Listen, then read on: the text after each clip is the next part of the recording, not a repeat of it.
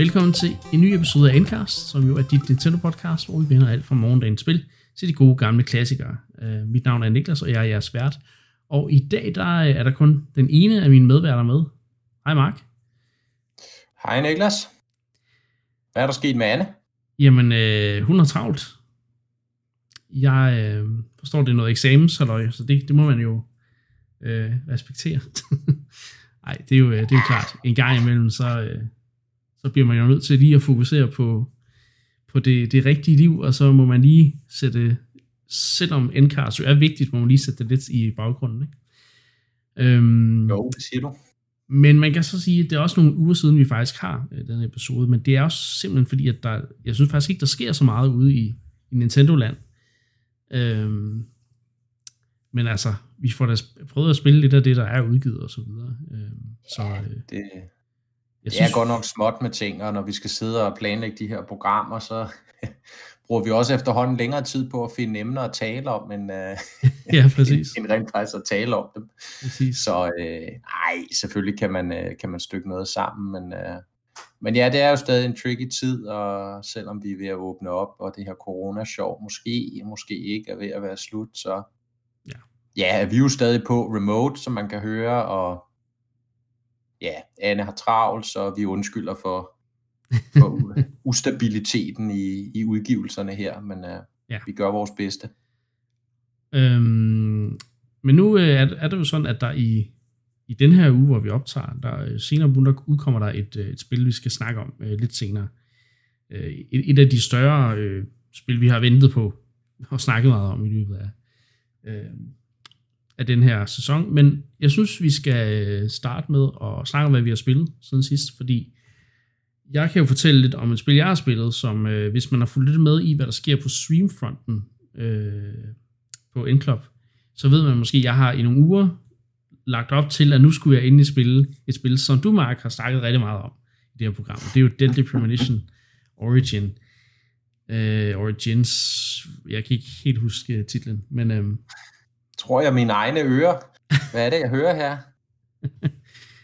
men jeg, jeg, jeg tog simpelthen hul på det i den her uge øhm, på stream, og øh, jeg må nok sige, at jeg, jeg er faktisk blevet over, positivt overrasket, fordi når du snakker meget varmt om det her spil, så kan jeg ikke nogen gange finde ud af, om, om du rent faktisk mener det, du siger, så 100% seriøst, eller der er en lille bitte smule, du ved, øh, satire ind over. Så, så jeg, jeg bliver sådan i tvivl, er det, er det fantastisk? Aldrig faldt mig ind. Nej, vel?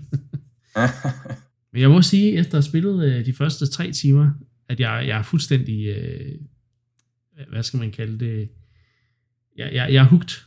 Det må jeg sige. Jeg, jeg er godt nok, øh, jeg, jeg troede, det ville blive meget janky spil, der nærmest ville være umuligt at spille, fordi det er et indie-spil der fra, fra slut start 0'erne, ikke? Altså, øhm, eller start 10'erne er det jo nærmest. Øhm, jeg kan faktisk ikke huske, hvornår det er fra, men... Øh, 2010 er den oprindelige ja, udgivelse okay. fra, ikke? og så kan man sige, så har det så været under udvikling fra Åh, jeg tror, det starter helt tilbage i 6 eller sådan noget, som et, et ja, okay. PlayStation 2-spil, ikke? og så bliver det rykket. Det har sådan et helt, helt fucked øh, udviklingsforløb. Det er ved at blive cancelled fire gange, har ham der Swery udtalt, ikke? og jo, altså, jo.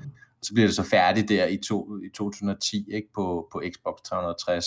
Ja, øhm, men alligevel så ja. ender det jo med at, at være et spil, hvor jeg egentlig føler, at, at, at styringen den er egentlig meget responsiv, og, og ja, jeg synes egentlig, det, der er ikke noget, der irriterer mig ved at spille. Det virker ikke gammelt på den måde, kan man sige. Vel?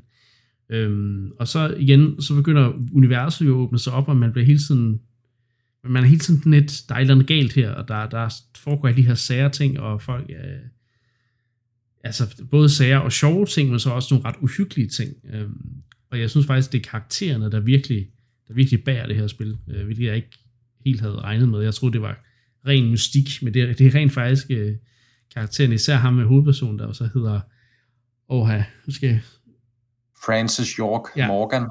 Francis York Morgan, som til alle han møder siger, du kan bare kalde mig York, fordi det gør alle andre. og så er det ja, sådan så blandet, om, om folk gør det eller ej.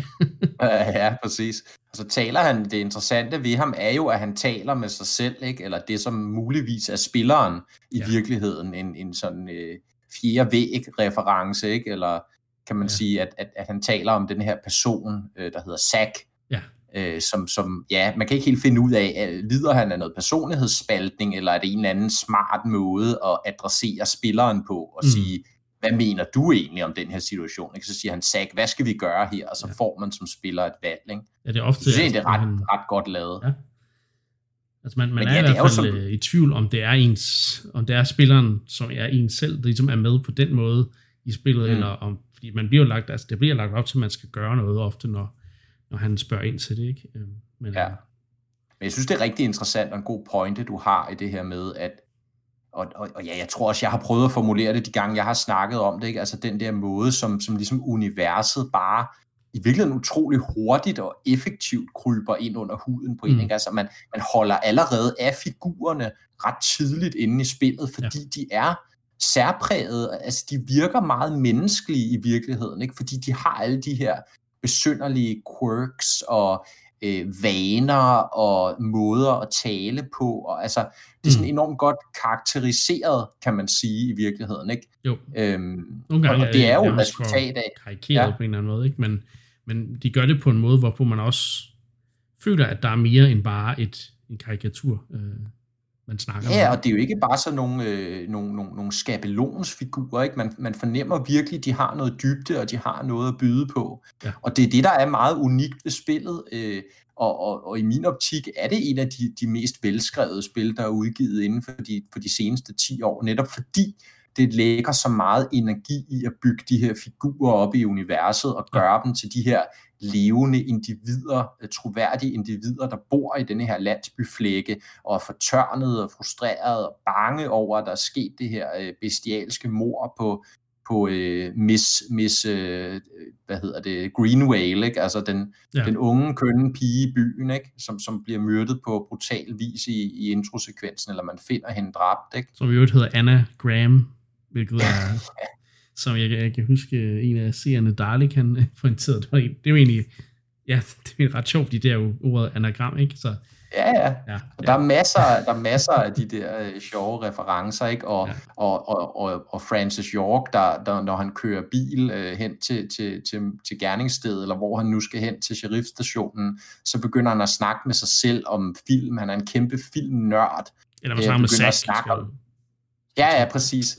øh, snak med Zack, ikke? altså også spilleren om, øh, om man har set alle mulige gamle slasherfilm, og altså, ja. fordi dem synes han er mega fede, og han kan især godt lide DVD-versionen, fordi der er en eller anden bonussektion med, med en ekstra scene, og det synes han er mega cool, og sådan noget. Altså, at, at, at man har gået så meget i detaljer med dialogen, ikke? Øh, og, og, og, og igen bruger det her til ligesom at bygge figurerne op til de her troværdige øh, individer. Det, det, det er et øhm. spil, som der... Dialogen er i hvert fald på en måde, som jeg ikke rigtig har oplevet den før. Øhm, jeg nævnt meget om, det minder meget om øh, den måde, øh, Hideo Kojima også laver spil på, i den måde, det er meget filmisk, og det er meget... Mm. Øh, altså karaktererne er sådan, de har nogle, en, en ting ved sig, der ofte gør, at de, de er sådan lidt...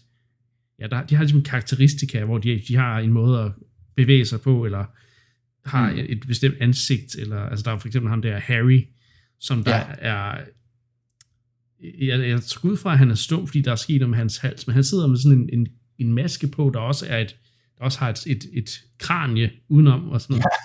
fuldstændig vanvittigt, men så kan han så snakke med hans assistent, som så forstår, hvad ham her Harry, han siger, og han er så millionær i den der by, og sådan noget. Ja, ja. Det er ligesom ham, der ligesom styrer, hvad der bliver bygget, og, og ting, ja. der ikke? Han er ligesom Mr.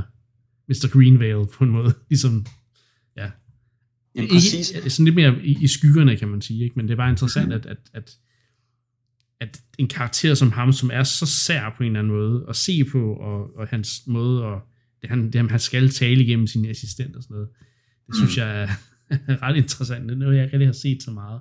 Igen, jeg, jeg, det minder mig lidt om, om Kojima, men alligevel, så er karaktererne væsentligt anderledes, fordi de ikke er lige så, hvad kan man sige, karikeret, eller øh, overdrevne, som de er i Kojimas universer. Mm.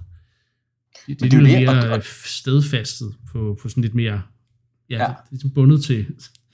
Det er jo ligesom at se en tv-serie, ikke? og nu har vi jo snakket mange gange om, hvor, hvor meget inspireret det er Twin Peaks, og lad os være ærlige, det er ekstremt inspireret Twin ja, Peaks til, til det punkt, hvor man nærmest føler, at det, det kopierer nogle ting en ja. til en. Ikke? Men alligevel har det sine egne quirks, der gør, at det bliver til sit eget, og mm. ikke mindst når du kommer videre, Niklas, og ser, hvordan historien udfolder sig, så er der øh, væsentlige forskel. Ikke? Men, det, men det er jo for lige at vende tilbage til det, du siger med figurerne, det er jo fordi, øh, tror jeg, Swery, han er jo filmuddannet oprindeligt mm. fra, øh, fra et, et universitet i Tokyo, eller en filmskole i, i, i Tokyo, og han, han, går, han går til det her spil, øh, og til når han laver spil generelt, øh, med, med den her filmmentalitet også, mm. at man skal skrive figurerne på den her måde, der bygger dem op, og måske især sådan en tv-serie-mentalitet, ikke? fordi det virker som figurer, man vil finde i en tv-serie, hvor man ligesom har længere tid til at bygge dem op og, og lære de her øh, særprægede, øh, mærkelige vaner og talemåder og, og, og adfærdsmønstre, som de nu engang har, ikke? hvor en, man kan sige, en god actionfilm, der er det måske typisk mere bare rammefortællingen, der er i fokus, ikke? og det vil det jo mm. også være, hvis du for eksempel tager spilpangdangen, altså Resident Evil, spil af den type. Ja. Men de har en rammefortælling, som, som er stringent og, og effektiv og actionpræget og sådan noget. Men historie, eller figurerne i de her fortællinger er jo rene skabeloner. Altså, der er jo ikke noget dybde til dem, lad os være ærlige. Ikke? Og det er der i Deadly Premonition, fordi de bruger tid på at dyrke dem, tid på at dyrke den måde, de taler på, taler med hinanden, er på, hvad de gør, når de har fri mm. for arbejde. Altså, det er det her med, at du kan følge rundt i hele byen. Øh, det er jo det her open world. Du kan følge rundt i hele byen, se, hvad de foretager sig. Ja. Og hvis det regner, så, kan, så tager de på restaurant, eller så gider de ikke at tage på restaurant og spise, så tager de hjem selv og laver mad. Og altså, øh, nogen går på bar om aftenen, og andre, de øh, altså, ja. tager ud på kirkegården. Ikke? Altså, det, det er jo det er med til at, at gøre dem til, til rigtige personer, der føles ægte. Ikke? Mm, jo, helt klart. Og det synes jeg er rigtig mange øh, ting. Jeg glæder mig virkelig meget til at, at komme videre med spillet. Øh, ja. Nu har jeg, jeg havde virkelig svært med at lægge det fra mig, da jeg streamede det den første gang. Nu, øh, den, der her, hvor, hvor det afsnit udkommer, der øh, har jeg så også spillet videre, kan man sige. Øh, så, så jeg glæder mig til at, jeg glæder mig til at komme videre øh, og se, ja. hvad, hvad det byder på. Jeg, jeg fortryder på intet tidspunkt. Jeg er faktisk meget glad for, at jeg har valgt at, at streame det her spil. Øh, det er godt. Også det fordi jeg, jeg tror endda, det, det gør det bedre, at, at jeg, jeg deler det med nogle flere, øh, så de også kommer til at kunne se charmen og, og kan grine lidt med på, når der sker nogle af de her, der sker altså nogle sære ting i spillet nogle gange.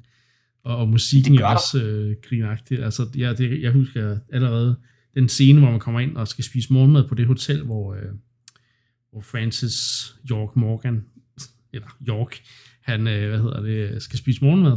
Så er der den her gamle kone, der er hotelejer, og hun laver så morgenmad til ham, og så sidder de ved det her lange bord, hvor, hvor øh, sådan det, jeg tror, det er 10 meter langt. Og sådan noget. Så sidder ualmindeligt langt. Ja, sidder for hver, hver sin ende, og skal have en samtale, men hun hører dårligt, så han skal ligesom sidde og nærmest råbe tingene, og hun hører det alligevel ikke, og sådan noget. Det er fuldstændig gak. Ja, de jeg, taler helt forbi hinanden, ja, og hun tror nærmest, at han, han prøver at, at flirte med hende på et tidspunkt, og sådan noget. altså, det, det bliver helt wack, ikke? Og den sekvens kommer i øvrigt lige efter, at du har, øh, at du har været i nærmest sådan en underlig øh, anden dimension, ja. hvor der er sådan nogle meget, meget uhyggelige zombie-lignende tinges, der, der sådan krænger ryggen bagover og prøver at spise dig og sådan noget. Altså, ja, men jeg, jeg var og, også ret skræmt, vil jeg sige, ret mange gange. Så. Og det er det der, som du siger, den der ekstreme kontrast, og det er jo noget igen også, der kendetegner Twin Peaks, den her ekstreme kontrast, der kan være mellem, at der sker noget meget uhyggeligt, eller noget ekstremt spændende, og så går der sådan der, ja. så sidder du i en bizarre morgenmadssituation ved 10 meter langt bord og taler med en halvdøv dame, eller forsøger på det, ikke? Altså, og taler om også, hvad der, så kigger han ned i sin kaffe, og så ser han der ligesom at mælkeskummen danner et bestemt mønster, som han så bruger til at, at, at, at regne ud, hvem der har begået mordet, eller man kan sige, prøve at bruge ligesom til at tolke på, altså lede ham videre i sagen, ikke? Altså jo. de der seværdigheder, de der bizarre øjeblikke, kommer lige efter, altså du ved, sådan straight up horror, eller hvad det nu måtte være. Ikke? Jo. Det er helt unikt, og jeg elsker det, altså. Ja, jeg, jeg er så fan, øh, og jeg håber, at øh, min, min entusiasme, den fortsætter i, i løbet af min gennemspil, men det tror jeg nu, det tror jeg nu, den gør. Jeg kan ikke forestille mig, at det, ikke, det bliver mere kedeligt herfra. Det, Bestemt muligt. ikke. Nå, Mark, men du har også spillet noget, noget siden sidst. Du har spillet Oddworld, ja. The Munch Odyssey. Ja, det har jeg spillet en lille smule. Ja. Jeg har spillet det back in the day, og så, øh, så så jeg det kom på Switch. Øh, lytterne kan måske huske, at der også kom et Oddworld-spil øh, i... Hvornår var det? Ja, det er nogle måneder siden. Nej, det var tidligere året, ikke? Jo. Jeg har allerede glemt, hvornår det var. Nå, men det er også lige meget, men der kom et, øh, et, et Oddworld-spil øh, til Switch øh, tidligere, der hed Stranger's Wrath, som egentlig er det, kan du sige, det seneste Oddworld-spil, hvis, hvis ikke lige man tæller remakesene med. Mm. Øh, og nu er der så kommet et andet Oddworld-spil, øh, det tredje i serien. Det er som om, de går fra det nyeste spil, og så bagud. Så hvem ved måske på et tidspunkt, om vi får det første. Så Stranger's Wrath mm. var ligesom det fjerde spil i serien, og, og nu har vi så fået det tredje spil i serien, det der hedder Oddworld Munch Odyssey. Ja. Øh, og det der er, kan man sige, det der ikke er så interessant ved det, hvis lige vi skal det ud af vagten med det samme, det er, at det nok er det dårligste Oddworld-spil i serien. Okay. Så er det ligesom øh, af bordet. Det, der alligevel er lidt interessant ved det, det er, at det er det er en del anderledes end Stranger's Wrath. Det var jo det her sådan stealth-baserede øh, første persons skydespil. Mm. Øh, men Munch også, Odyssey er i virkeligheden i skole med de første to Oddworld-spil. Så man kan sige, at der er en trilogi, ja. øh, som, som deler koncept. Og det er de her sådan puzzle-agtige spil, øh, hvor man... Side-scroller, ikke? Øh, ja, lige præcis side-scroller. Øh, men i Munch Odyssey er det jo så i 3D. Okay. Så det er ikke en side-scroller længere, det er rent faktisk i 3D. Men det er det ah, her puzzlespil, okay. hvor man skal hjælpe de her mærkelige øh, væsner øh, med ligesom at, at overleve, basically. De er til fangetagende af, af de her, øh, øh, hvad kan man sige, øh, maskiner nærmest, der, har, der bruger de her øh, primitive væsner som arbejdskraft til at producere sådan noget skraldeføde og altså, ja, sådan noget mm. rigtig lorte mad, hvad vi skal kalde det øh, og tjene penge på det, ikke? Jo. Øh, så har de øh, ligesom, øh, ja, underlagt de her stakkels væsener, dem som slaver, så, så de kan arbejde for dem. Og der kommer øh, så i, i, i de første to Oddworld-spil, der er det ham, der hedder Abe, der ligesom bryder fri, og så ligesom hjælper sine kammerater med at undslippe det her slaveri. Ja. Og i det tredje spil er det så stadig Abe, men han får så øh, hjælp af en af de andre væsener, som også er underlagt slaveri, ham der hedder Munch. Mm, det er okay. titlen Munch Odyssey. Ja. Og det er det her puzzlespil, og det er sådan lidt clunky. Øh, det er hele tiden sådan noget med, at hvis man bliver opdaget, eller der er for mange, der dør, så skal man prøve om. Og ja, det fungerer egentlig ikke særlig godt. så så øh, det, det er ikke... Ja, det, det er ikke så anbefalesværdigt. Jeg kan jo godt lide Oddworld-spillene, fordi jeg synes, universet er rigtig interessant. Jeg kan godt lide den der sådan industrialiserede alien øh, fremmed planet, mærkelige væsner øh, ja. med den her industrialisering nedover, som den, den synes jeg på en eller anden måde, den drager mig. Øh, gameplayet er bare ikke super interessant her. Øh, der okay. er de første to spil, sidescrollerne, som du nævner, Niklas, de er bedre til det gameplay, selvom jeg også har problemer med dem. Øh, okay. Så Mod, Munch Odyssey ender ligesom med at være det dårligste Oddworld-spil. Så man kan sige, at man skal være stor fan af, af serien, vil jeg nok sige, for at hoppe på. Selvom Switch-porten egentlig er, er rigtig fin, øh, ja. kører flot, øh, ser flot ud for et spil, der kan man sige, det glemte vi at nævne, i virkeligheden er fra 2001, så det har jo en del år på banen, mm. øh, med sådan en, øh, en, en remaster i højere opløsning. Ikke? Okay. Kører fint, ser fint ud, bare ikke så sjovt at spille, så, øh, så kun hvis I er, er glade for Oddworld øh, serien, så, så kan jeg anbefale Switch-versionen, eller så så, så skal man i hvert fald langt bedre tjent med uh, Stranger's Wrath, vil jeg sige. Som ja. i øvrigt lige er udkommet fysisk i en ret fed uh, edition. Så den kan man eventuelt kigge på, hvis det er. Okay. Man er glad for at have sin spil. Jamen, cartridge. Øh, tak for anbefalingen. ja. Jeg har stadigvæk ikke været helt hooked på, på hverken Stranger's Wrath, i hvert fald ikke det, du snakker om, Munch Odyssey. Altså. Nej.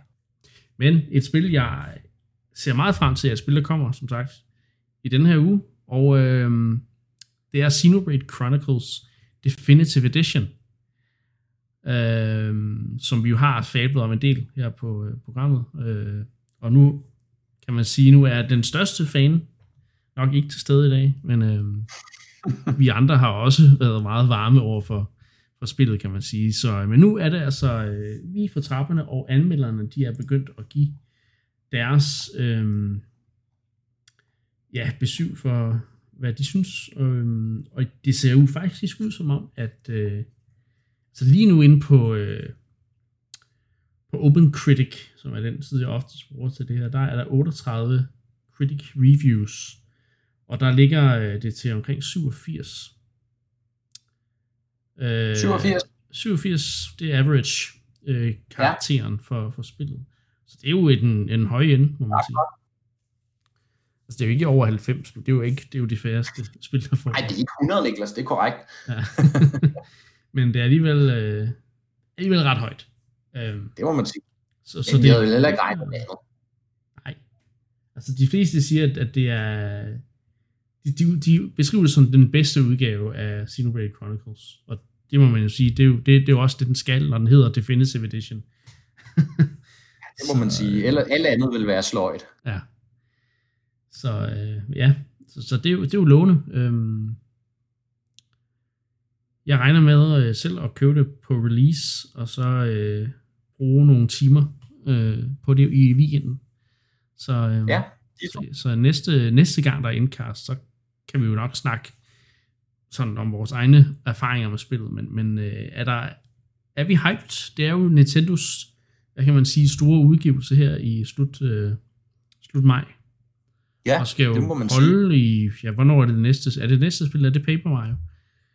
Ja, i Origami det må King. det blive. Det er om Mindre, halvanden kommer, øh, De har flere trolde i æsken. Det er jo det, de det ved fra. vi jo ikke. Vi, vi, nu har de ja. jo lanceret den her nye strategi, hvor de bare lige pludselig klokken 3 om eftermiddagen annoncerer spil på Twitter. ja. Det har der ikke været noget af her den forgangne Nej. uge, trods alt. Men, uh... Nej, for så, så, så havde vi i hvert fald noget at snakke om. Uh, men, uh, ja. ja. Altså jeg vil sige, jo, jeg er bestemt, uh, bestemt uh, hyped Ja. Øh, glæder mig til at spille, øh, dykke ned i Xenoblade øh, Chronicles igen, også fordi de jo ligesom har, har forbedret en, en lang række ting, ikke mindst øh, ved gameplayet, og så har de jo så tilføjet hele den her nye øh, Future, øh, hvad ja. den hedder, ikke jeg huske Future Connection, eller hvad pokker den hedder. Epilog. Øh, den her kæmpe 20, 20 plus timer snakker anmeldelser, anmelderne jo om, at, ja, at den i virkeligheden var, som man så skal spille efter som jeg forstår det, efter at, at, at hovedspillet ligesom er slut, ja. anbefaler de, at man så starter den op, for den er ligesom sådan selvstændig, ligesom den her øh, Torna ja. øh, pakke var til Xenoblade Chronicles 2. Yes. Øh, så det er jo fint. Jeg vil sige, der er kommet et lille, lille skov i glæden øh, her ja. på, på de tidlige reaktioner, og det er fra den tekniske front. Øh, ja der er jo de her analyser, øh, som, som jeg ynder at snakke om, også, også her i Endcast, øh, som jeg læner mig meget op af, fordi det interesserer mig rigtig meget, og fordi det jo nogle gange har, kan have, have relativt stor impact på, på spiloplevelsen, mm. og også om, om man skal købe spillet eller ej. Der har de jo så kunne konstatere, dem der laver de her tekniske analyser, som, som jeg forstår det, at, at, at, at spillet kører altså ved en ret lav opløsning. Ja, det kører øh, øh sådan en dynamisk opløsning. Og det, yeah. det er jo så forskelligt fra håndholdt til dogt. Øh, ja. Og det, de, det, jeg har læst, det er, at i, i håndholdt tilstand, der er det, der, der, der fluktuerer den imellem et sjovt tal, der hedder 378p og 540p. Ja. Øh, og det er jo, altså, så, når det er dynamisk, så er det jo fordi, den, den skifter, kan man sige. Afhængig af, hvad belastningen ja, er i den konkrete ja, scene. Ikke? Og, og, og så, det er jo lavt. Ja, ja, bare tage de og så dogt, det er jo så, det er jo så 540 til 720p, hvilket også er ret lavt i forhold til, når vi er vant til, at det er, når det, vi er vant til noget med mellem 900 og, og 1080, ikke? Så jo, jo, altså når man kigger på, ligesom, hvad, hvad er det maksimale output, en, en, en Switch ja. kan sende til skærmen, ikke? så er det jo i den håndholdte, er det jo de her 720p, ja. og der ligger Xenoblade Chronicles remaket her, altså maksimalt og sender 540, ikke? Det er jo. et godt stykke under, og tilsvarende docked, der er det maksimale output jo de her 1080p, Ja. Og der ligger den altså i bedste fald og sender 720. Ikke? Præcis. Så det er en del færre pixels, end hvad det maksimale output er. Og det er jo klart, det går ud over detaljegraden. Det, ikke? det er jo simpelthen det. Øh, man vil få et mere pixeleret billede, man vil ikke kunne se detaljerne lige så godt. Nej. Øh, og det og i virkeligheden kan man sige, at der er en, en god forklaring på det her, som jeg forstår det. Og det er, i virkeligheden er det præcis, mere eller mindre præcis det samme resultat, som man havde med Xenoblade Chronicles 2 ja. da det udkom for tre år siden. Og det ja. giver god mening, fordi det er den samme engine, de bruger nu. Så de har ligesom ført Xenoblade Chronicles over i, i den samme engine. Mm. Øh, man kan så måske undre sig lidt over at sige, nu, nu nåede jeg ikke så langt ind i Xenoblade Chronicles 2, men man kan sige, øh, måske antaget, at det i virkeligheden er et flottere spil, i hvert fald et mere moderne spil, der bruger nogle mere avancerede visuelle effekter. Ligesom sige, hvis Xenoblade Chronicles, man tager den præmis, der siger, at det er et gammelt Wii-spil, øh, 10 år gammelt, det, det, må, altså, det må kunne det, det, det kræver ikke lige så meget. Det må kunne køre i en højere opløsning. Mm. Så er det skuffende at se, at det ikke kommer højere op. Men det er jo selvfølgelig, fordi det er kommet over i den nye engine. Det vil sige også, at den bruger den samme lysmotor, og lys er jo typisk noget af det, der tager rigtig mange ressourcer. Ja. bruger øh, nogle moderne alfapartikler og sådan nogle transparenseffekter osv., som gør, at, at det selvfølgelig gør ondt på, på performance, og deraf også, at den så ikke kan komme op og lise, øh, vise lige så mange pixels. Ikke? Men hvis det positive er så, at det virker til, at spillet stabilt kører på omkring 30 fps. Det, har i hvert fald, det, det lader i hvert fald til, der ikke er nogen, der ja. har rapporteret noget, nogle, nogle store, hvad kan man sige, øh, problemer der. Og så bruger det spillet så også en, en form for sharpening filter til at gøre tingene mere mindre pixelerede, kan man sige. Ikke? Men, mm. men altså, nu vil vi se. Men den teknik var der også i toeren, ikke? Og jo. altså, ja, det ser jo fi- det ser fint nok ud, og måske især på den, især på den store skærm, faktisk. Øh, jeg kan huske fra toeren, øh, og det er også sådan den generelle konsensus, at det kunne blive noget gnidret på den håndholdte, når det kom helt ja. ned omkring de der 300 something øh, mm. pixels, ikke? Jo. eller 340p, ikke? Som, som er en op, opløsningsbetegnelse, men ja, så det, det er sådan et lille skår i glæden, kan man sige, at, at teknikken øh, lader måske lidt at forlange. Også fordi man kan sige en ting, at de har flyttet over i den samme engine, så er det en anden load, der er en lysmodel, og det har jeg snakket om før. Men der er altså også gået tre år, ja. siden at Xenoblade Chronicles 2 kom ud, ikke? og man kunne håbe, at de havde forbedret enginen øh, til et punkt, hvor at de havde været i stand til at ramme den her højere opløsning. Så spiller det ikke til det, det de har, har fokuseret på i udviklingen. Altså, Nej, som om, at de bare fokuseret på at få spillet klart hurtigt, og sådan der også mm. lave det her ekstra content og så videre. Ikke? Ja.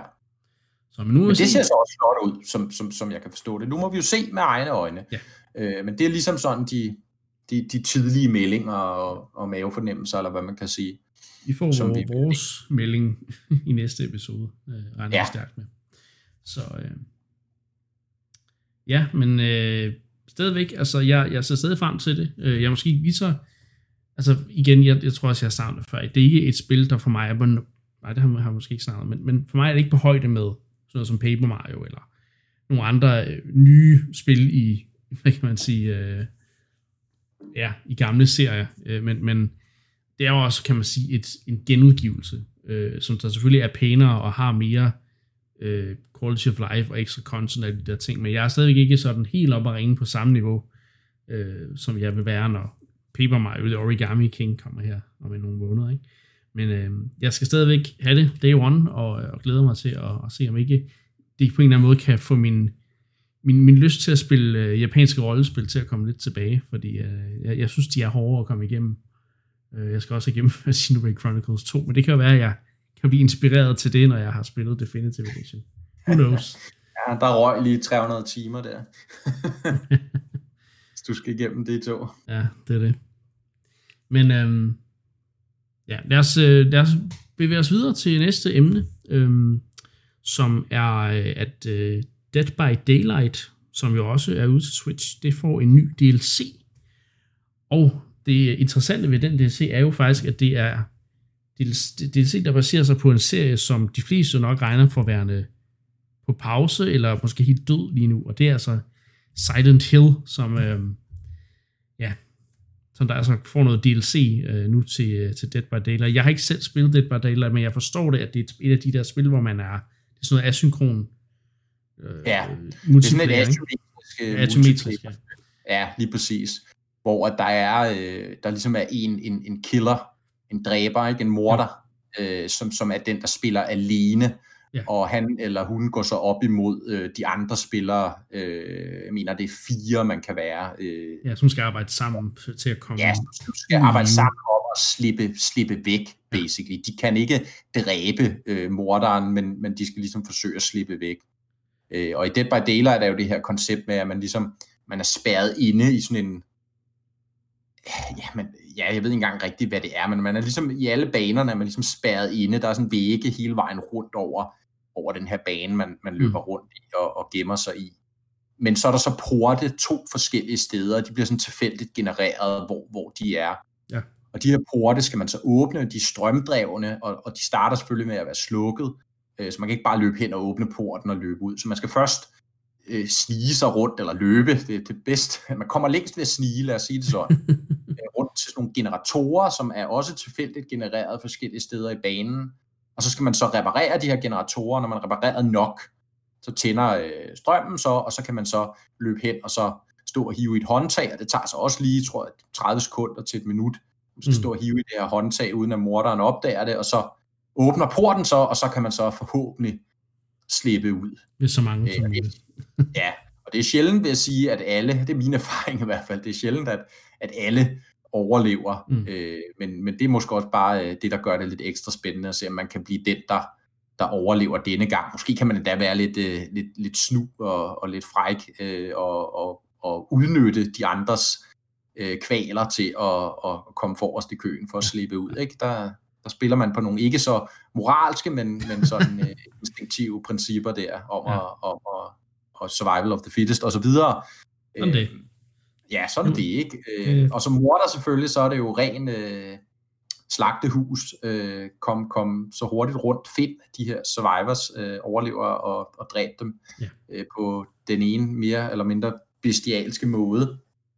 Og det, det er et super godt spil, synes jeg. Altså Dead by Daylight var, i det de første i den genre, og måske øh, til stadighed det bedste ja. i genren, og, og, og har fået masser af DLC-pakker. Og grunden til, at vi vil jo nævne, øh, Niklas, den her, er jo fordi det er et crossover med Silent Hill.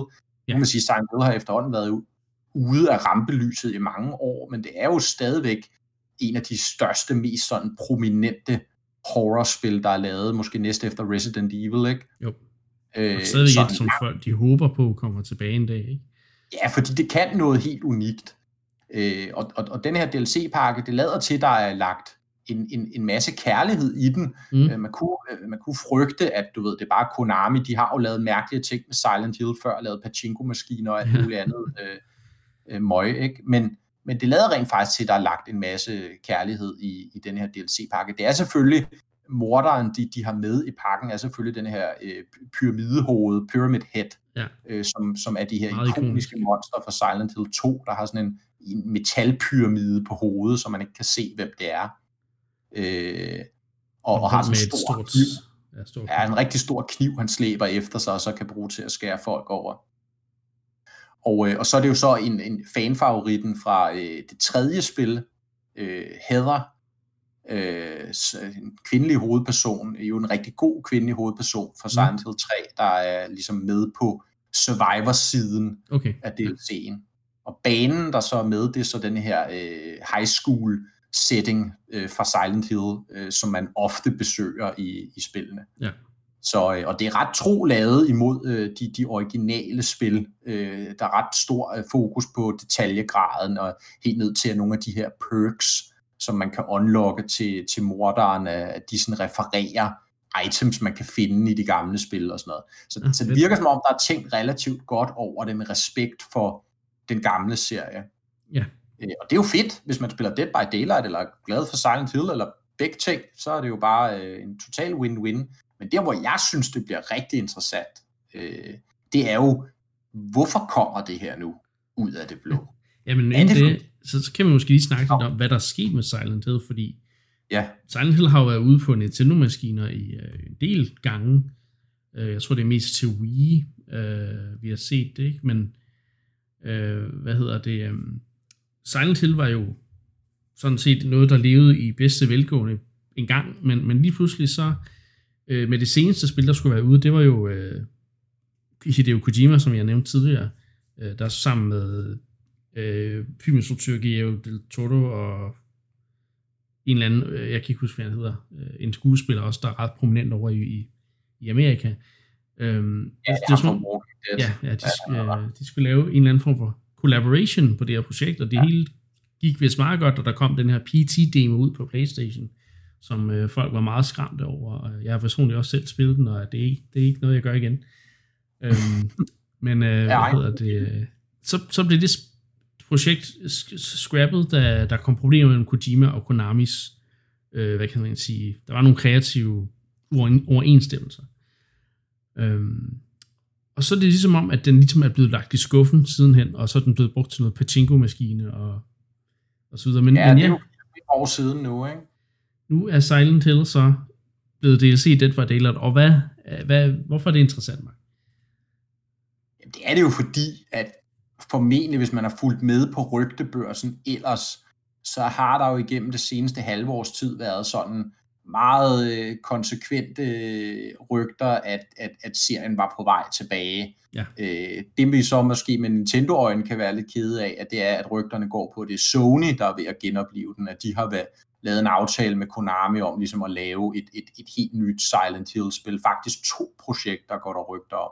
Ja. Øh, en eller anden form for, for remake, og en eller anden form for, for helt ny, øh, nyt spil, ikke? Ja, okay. Øh, og, og jeg vil sige, sandsynligheden for, at de så kommer til et Switch er, er relativt lille, øh, så vi må nøjes med, kan man sige, os der kun spiller Switch, øh, dem der kun spiller Switch, øh, må så nøjes med denne her øh, Dead by Daylight DLC. Men, men sådan i det store hele er det spændende, at, at Silent Hill-serien er på, på vej tilbage.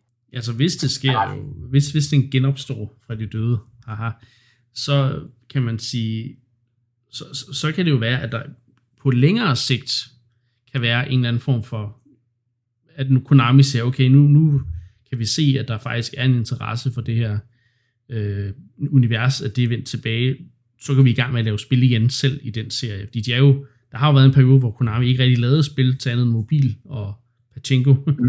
Ja, men, men det er som om, de er begyndt at, at åbne op for måske at gå ind i øh, altså AAA spiludvikling ja. til konsoller og, og så videre. Så det kan jo være, at vi på et tidspunkt, en dag om, lad os sige 10 år, ser et, et uh, spil til Switch 2, eller hvad, vi, hvad, den ellers, hvad, hvad der nu kommer til at være en Nintendo-kontroller Jamen, jeg tror ikke, du behøver at gå så langt frem, Niklas, fordi hvis det, hvis det her revival bliver en succes ja. for dem, altså, så, så er det jo nærliggende at forestille sig, at de kunne genudgive nogle af de gamle Silent Hill-spil. Mm. Jeg ved, der er nogle problemer med source-koden er forsvundet og sådan noget, men det, de har jo tidligere bevæget sig ud i at, at genudgive spillene. Nu sige, at remake de gamle, de originale Silent Hill-spil, som jo stadigvæk i, altså den dag i dag er, er højt beskattet af en stor del af, af, af spillerfanskaren, ikke? og sådan horror-fans helt generelt, fordi de er helt unikke, og de er bare sindssygt gode, altså så simpelt er det sagt.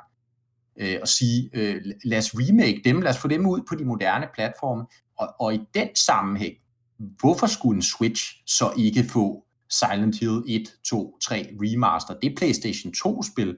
Ikke? Der er faktisk netop en trend i, i, i disse tider med, uh, nu snakkede jeg selv om, om Munch Odyssey før, ikke? vi har snakket efterhånden i Endcast om mange af de her uh, spil fra sådan nullerne, ja. uh, PlayStation 2, Gamecube-generationen, der kommer i, i flotte remakes til Switch. Mm. Så hvorfor skulle der ikke kunne komme en, en, en Silent Hill 1, 2, 3, 4 i virkeligheden? Uh, Shattered Memories, det fremragende Wii-spil ja. uh, til, til Switch.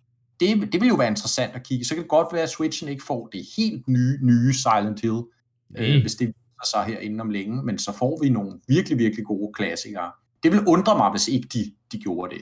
Jamen, det er en god point, og det, lad os da håbe, at uh, det revival så ikke bare er et rygte, men at det rent faktisk sker, og ja. så spiller over i, at vi får nogle Silent Hill-spil til Switch. Ja, ellers må man hygge sig med Dead by Daylight og bare blive ved med at spille uh, som ja. Pyramid Head i den her Silent Hill-bane. ja.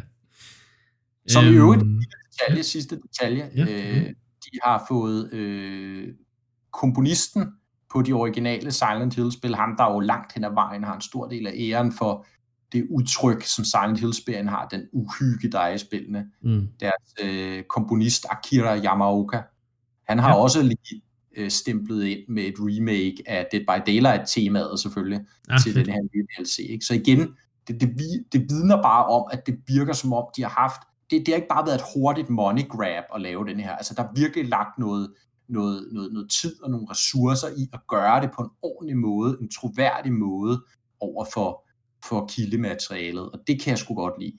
Ja. Så jeg glæder mig til at prøve den. Øh, og Dead by Daylight i øvrigt, hvis ikke I har spillet det derude, nu nævnte jeg det før, fremragende horrorspil, multiplayer horrorspil, øh, rigtig, rigtig morsomt og spændende og nervepirrende øh, at spille med venner og også med fremmede, altså og, og enten øh, ja, slagte løs, eller, øh, eller prøve at, at undslippe. Ja.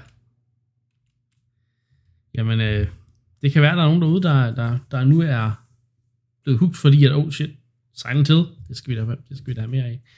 Men øhm, næste hvad kan man sige, emne på, på dagsordenen, det er øhm, en bare en lille, kan man sige, sidenote fra mig på en måde. Øh, det handler om spillet, der hedder What the Golf, øh, som netop har fået en Switch-udgivelse.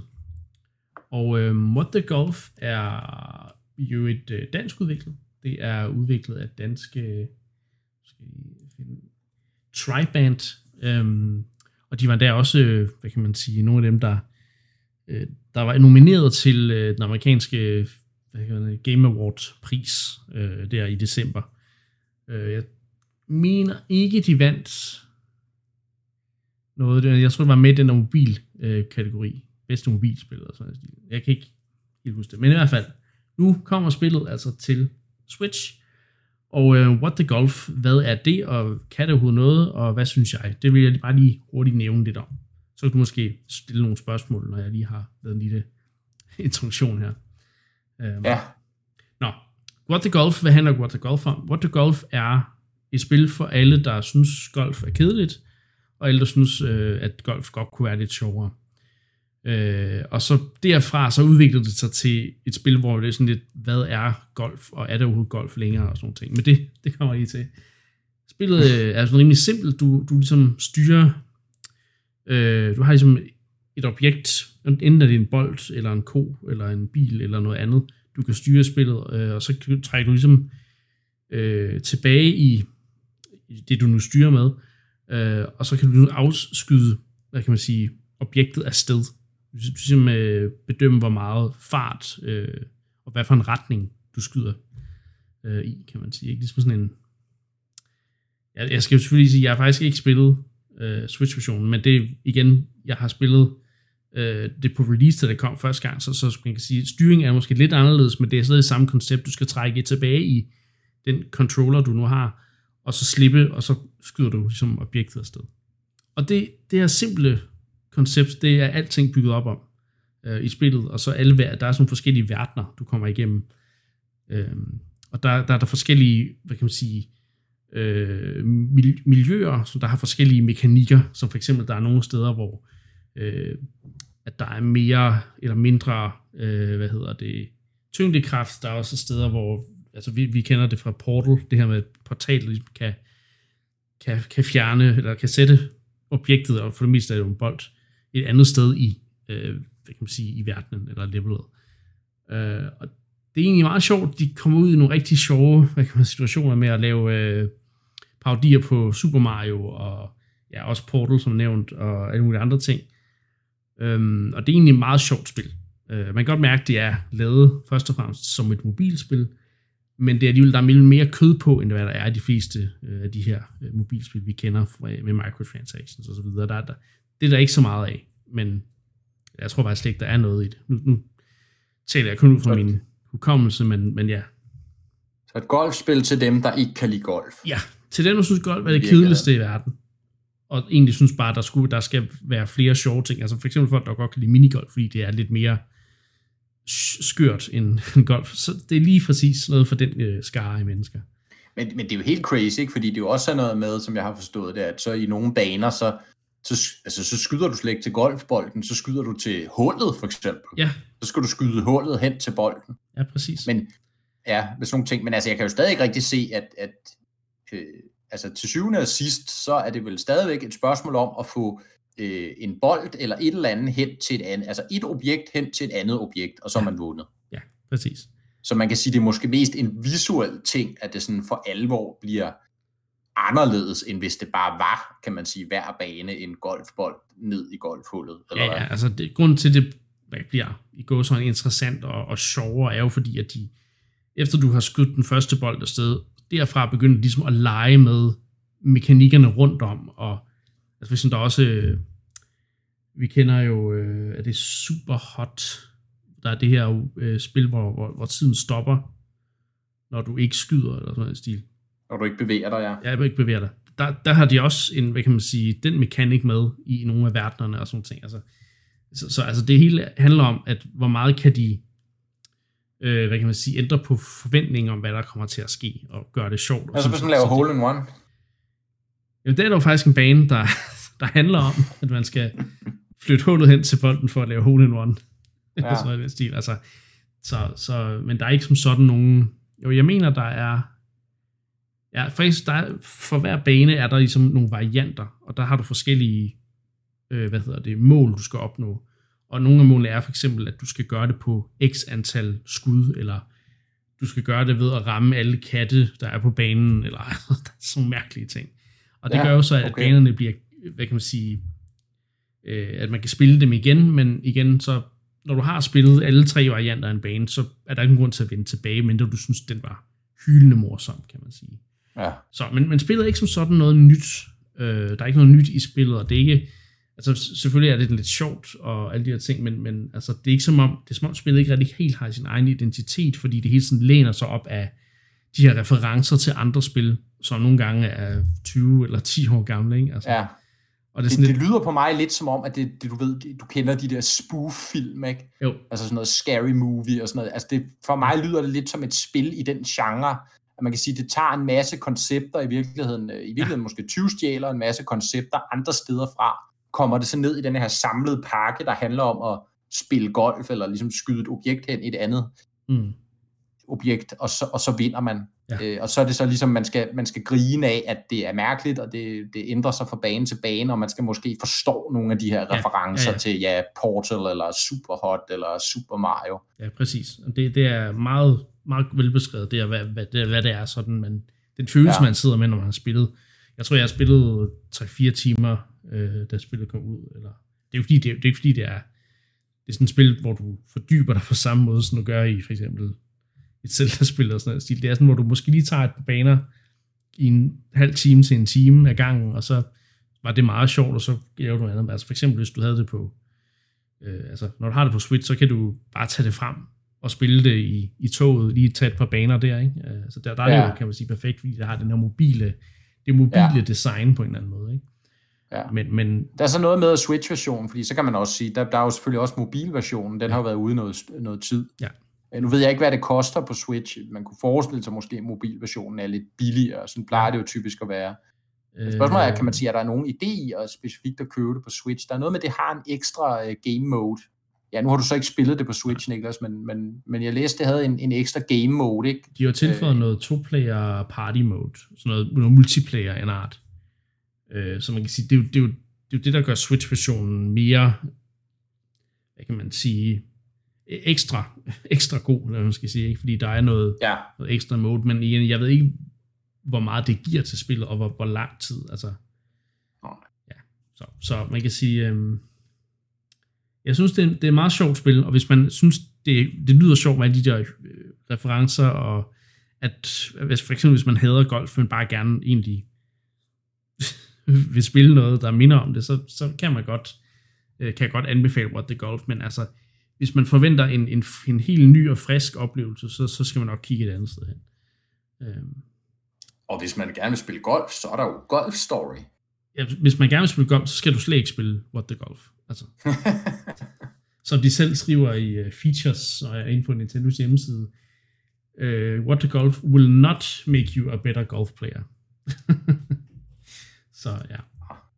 Men øhm, ja, det var lige en lille snak, også interessant, fordi det er jo et dansk spil. Øh, og ja, skide godt gået, at de har fået øh, stor ja, succes sige, med det. Det er faktisk det, er, det er lavet til at være det mere populære danske spil i de senere år, ja. fordi der, der er ikke rigtig, siden Insight fra, øh, fra Playdate kom ud, så har der jo ikke været sådan den store hype omkring et, et nyt dansk Nej. spil.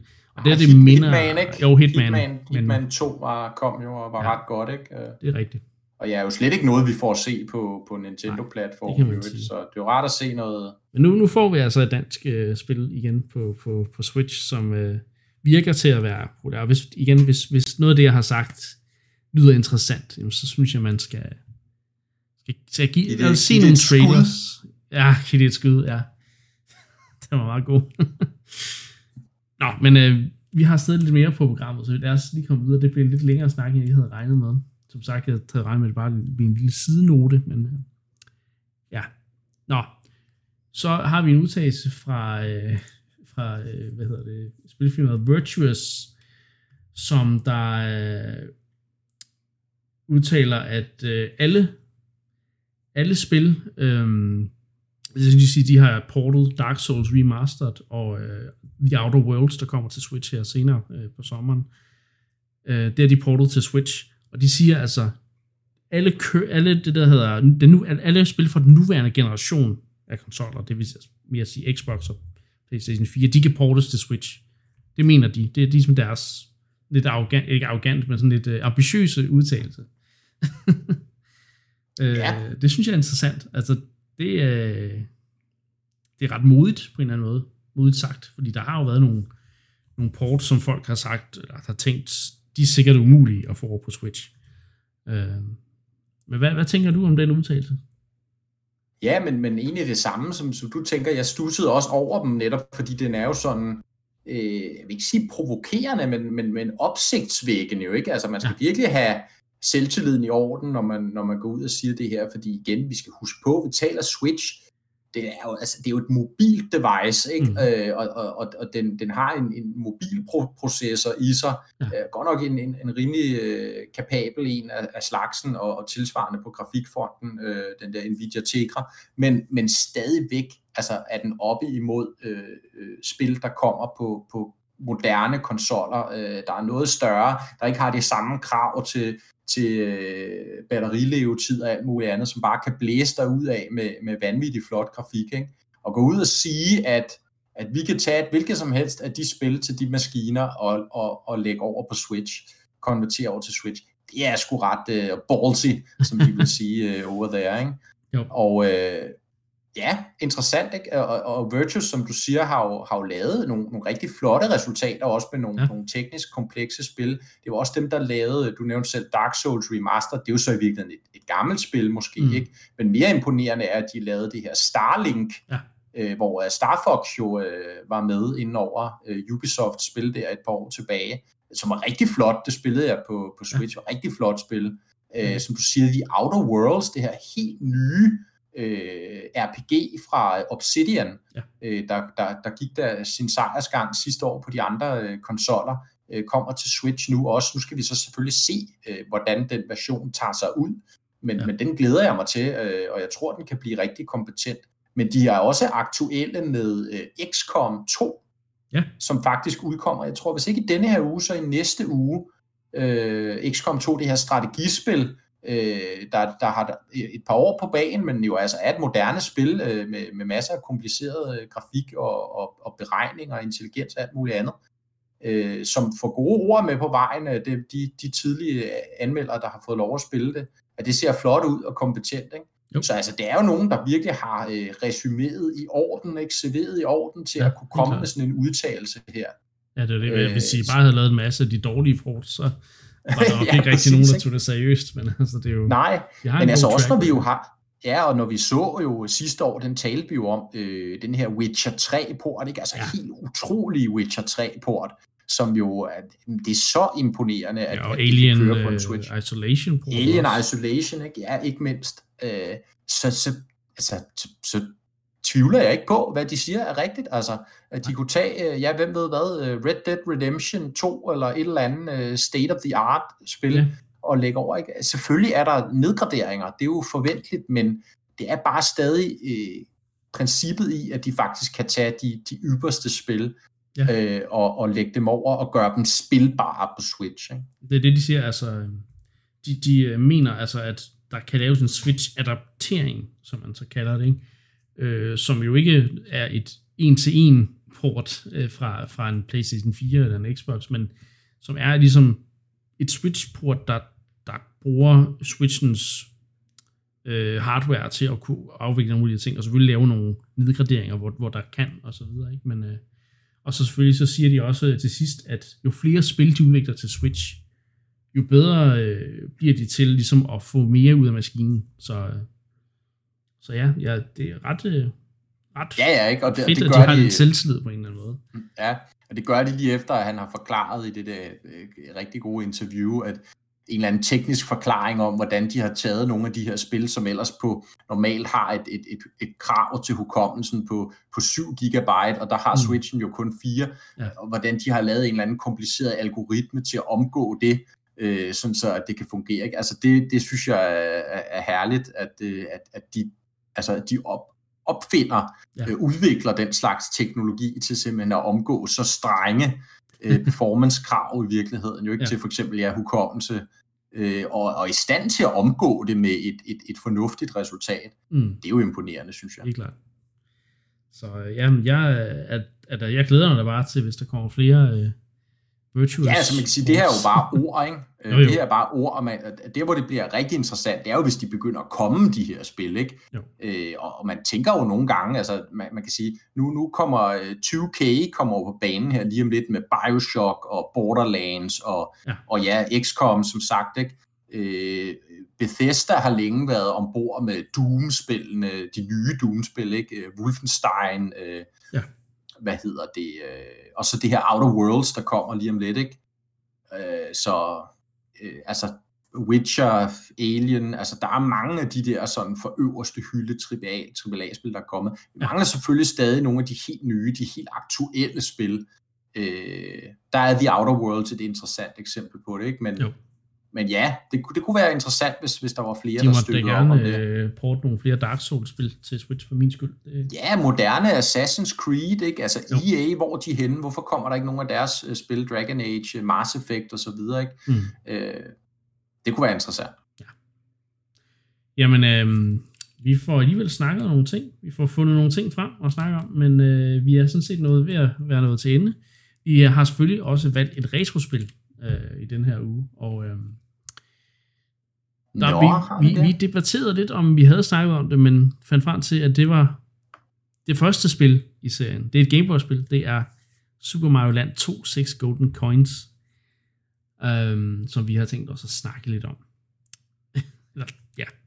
Øhm, og det er faktisk, øh, det har jeg faktisk en lille historie om. Det er faktisk det første Gameboy-spil, jeg spiller øh, nogensinde.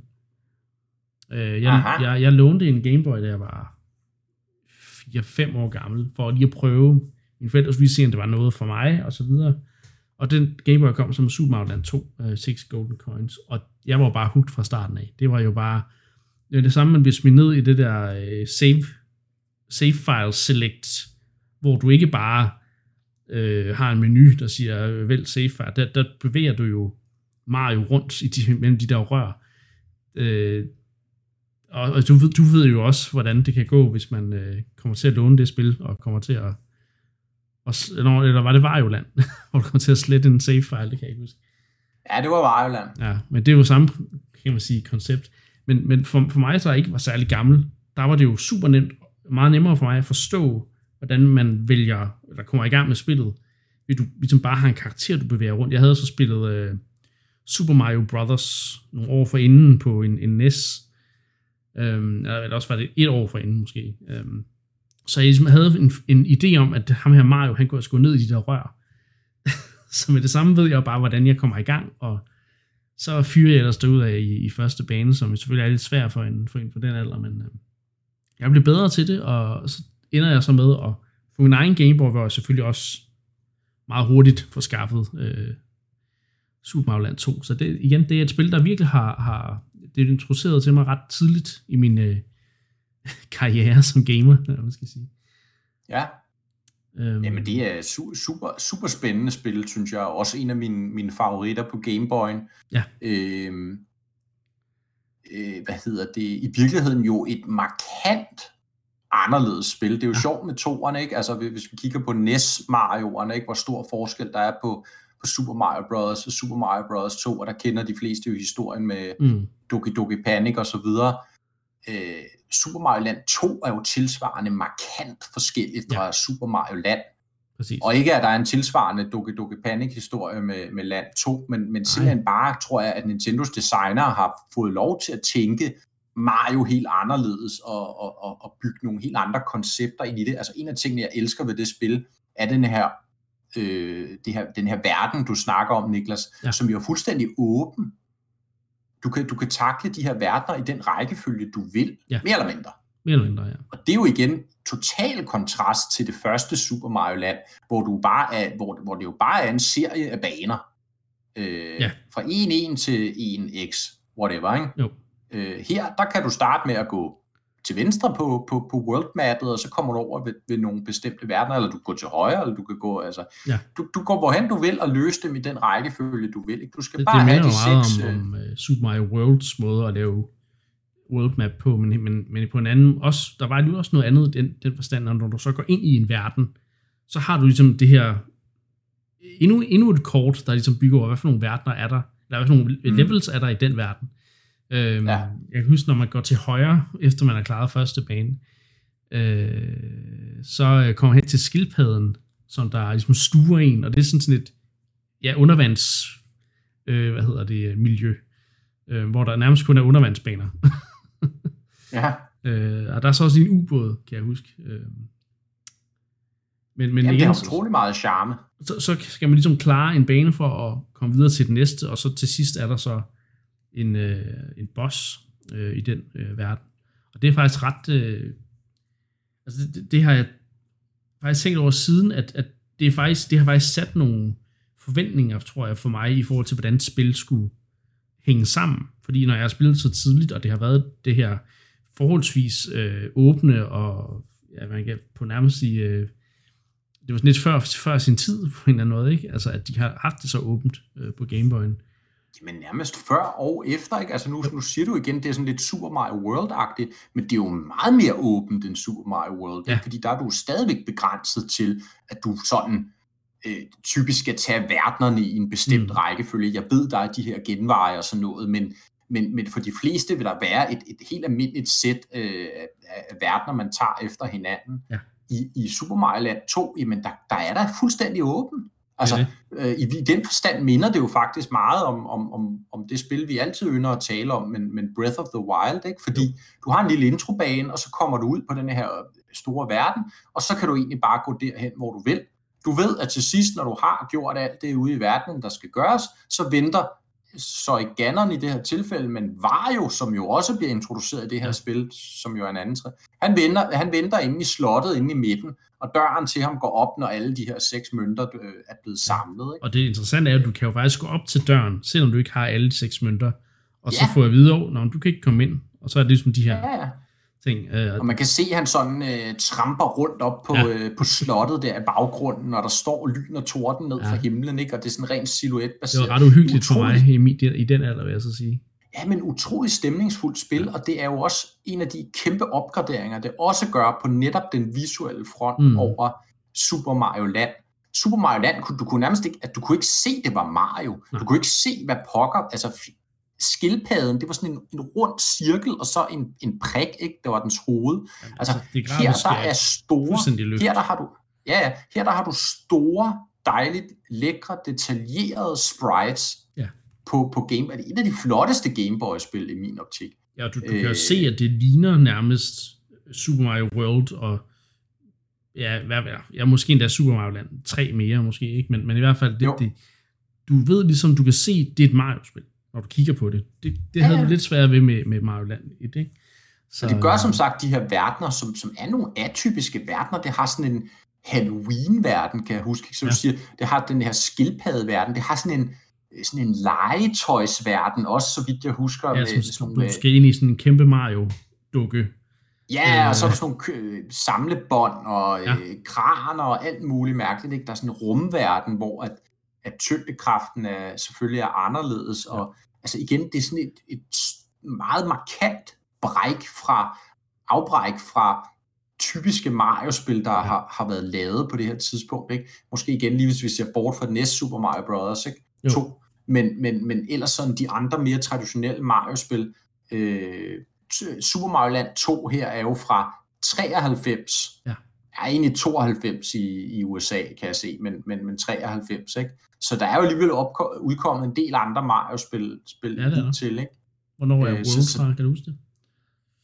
World, det må være fra nogenlunde, ja, det er fra 91, mener jeg, så det ja, okay. er før det. Så det giver det god mening. Øhm, men, men ja. jeg kan sige, at, at det er også sjovt, at Altså ligesom der er i, i nogle af de ældre Mars, der er for eksempel til Super Mario Bros. 3 og i, også i World, der kan du også finde de her hemmelige baner, eller hemmelige veje. Og det går de også all på i, uh, i Super Mario Land 2. Um, ja. Og, og der er nogle ting, jeg først har fundet, efter jeg har spillet spillet i mange år, og så, så fandt jeg ud af, okay, nå, der er en anden bane her, du kan gå ind i. og så kommer du hen på det her sted på worldmappet og sådan nogle ting. Ja. Det er virkelig interessant. Um, og så vil jeg så også... Øh, ja, hvad, hvad vil jeg nævne? Jeg vil nævne, så vi, vi har sådan lidt om det her med, at øh, altså den der åbne form, det gør jo faktisk også, at du som ung spiller øh, kan sige, okay, den her bane er simpelthen for svær. Så du ud af, af verden og bare, hvad kan man sige, gå ind i en anden verden og prøve en bane der, i stedet for at se, er det noget mm. mere, er det, er det mere for mig? Det synes jeg er super fedt, at man på den måde øh, ja, ligesom kan vælge at sige, jamen, øh, jeg sidder fast her, og nu vil jeg prøve noget andet. Og så kommer du hen i en, du... i en verden, hvor der er en helt anden for, nogle helt andre regler for, hvad for nogle ja. mekanikker, der ligesom øh, er. Hvordan det er jo det ikke. Altså, du, du oplever ikke på samme måde, du løber panden mod muren, eller ah, jeg når altid til bane 3, og så dør jeg, og så skal ja. jeg spille de første to baner igen. Ikke? Her der kan du netop altså, tage det i den rækkefølge, som, som passer dig, og hvis du løber panden mod muren, jamen, så kan du gå et andet sted hen, klare det, måske få noget mere erfaring, noget mere føling med styringen osv., komme tilbage på et senere tidspunkt. Ikke fordi du er blevet stærkere, måske har du nogle flere liv, det kan jo hjælpe dig, men, men, men så komme tilbage og, og kvæg, at du ligesom bare er blevet bedre til spillet generelt, så mm. kan du så måske komme igennem de her baner. Ikke? Jo. Øh, det gør det utrolig spilbart, og genspilbart ikke mindst. Altså det, det gør det meget sjovere at spille anden, tredje, fjerde, femte gang og så videre. Jo. Øh, så, så det er et genialt spil ja. i, i mine øjne, og et af de absolut bedste, faktisk et af de absolut bedste 2D Mario-spil, der er lavet, ja. øh, men jo ikke mindst øh, på Gameboy'en er det, er det, det, det bedste af dem, er i top, synes jeg. Top, øh, top 5 nærmest, over nogle af de bedste spil, der overhovedet er lavet til, til Gameboy, ikke? Så det, det synes jeg i hvert fald. Jeg synes, det er et helt eminent spil, og igen, det har virkelig haft en, en påvirk, eller det har virkelig påvirket mig i forhold til min, min, min smag af spil og, og sådan nogle ting. Øh, og jeg, altså, jeg er virkelig glad for den der udforskning øh, stil, mm. som man ligesom også føler. Det kan godt være, at det er en lidt lille udforskningsstil, men når du kun er fem år gammel, eller hvad jeg nu var, da jeg spillede det første gang, der var det jo en fuldstændig kolo enorm verden. Ikke? Øh, og, mm. og det tog mig mange år, før jeg faktisk kunne samle alle mønterne og komme op til Vario og klare hele den sekvens. Den er også ret svær, så vidt jeg husker det. Ja, ekstremt svær ja, til sidst. Øhm, og så er det jo også et spil, der har en, en unik øh, power-up. Det har jo den, de der kaninører. Mm. Øhm, den der gulerod, du kan samle op, så har du kan, kaninører, øh, som jeg ikke mindes. Altså, den minder selvfølgelig lidt om øh, Tanuki-halen, men, men alligevel sin egen øh, power-up. Ikke? Så øh, det er ret fedt. Så øh, ja, og øh, nogle fede baner. Jo, så den der, den der Halloween-verden, det er jo nærmest øh, de der boo, øh, hvad hedder det, boo house, eller haunted houses, der ligesom er bare blevet lavet til en hel verden for sig selv, ikke? Det er også meget sjovt.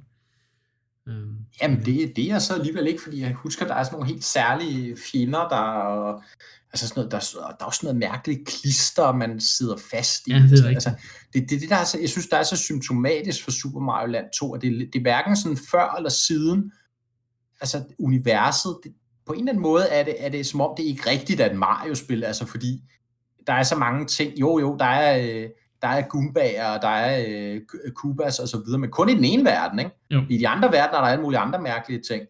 Og, øh, og, og det er sådan lidt som om, det er helt sit eget på en eller anden måde, og, og, og kun måske virkelig en halvvejs et Mario-spil, ikke? Men det er også det, der giver det så meget charme, og, og gør det så unikt på en eller anden måde. Ja. Øh, jeg er vild med det. Altså, soundtracket også er, Fuldstændig er fantastisk. Og, ja. Fantastisk, ja. Så øh, nogle gange, så, så satte jeg bare høretelefonerne til Gameboyen, og så lød jeg nærmest bare Gameboyen køre, fordi musikken var nice. Behøvede jeg ikke sidde og spille det, men ja. Og det var også øh, et spil, der virkelig satte det, at musik er simpelthen så vigtigt i, i de der spil. Ja. Så, øh, men ja, øh, jeg har i hvert fald mange nostalgiske minder om, at jeg har siddet i en bil, eller været på sommerferie og har spillet masser af Super Mario Land 2. Så øh, hvis der er nogen af jer øh, lyttere, der også har nogle gode minder omkring Super Mario Land 2, så synes jeg, I skal dele det med os i øh, kommentarerne. Og selvfølgelig, hvis der er noget andet, I, I gerne vil kommentere på, som vi har startet med den her episode, så skal det bare slå jer løs i kommentarfeltet. Øhm, men ja, vi er sådan set nået til vejs ende i denne her episode, Mark, så øh, tak fordi, at øh, du, du vil være med til sådan en one-on-one. Øh, det er jo kun ja, ja. anden gang, vi, vi gør det. Øhm, Oh, ja, ja. Lytterne bliver urolige, når ikke vi udkommer, så øh, det er det. Det gør jeg måske også lidt selv. Så. Men Anne, Anne er tilbage øh, i næste uge igen, forhåbentlig. Det er planen. Der er det Xenoblade-tid. Det er det. Så øh, det glæder vi os til. Øhm, så øh, nu er der ikke andet at sige end øh, tak fordi du lyttede med, og vi lyttes ved i Endcast næste gang.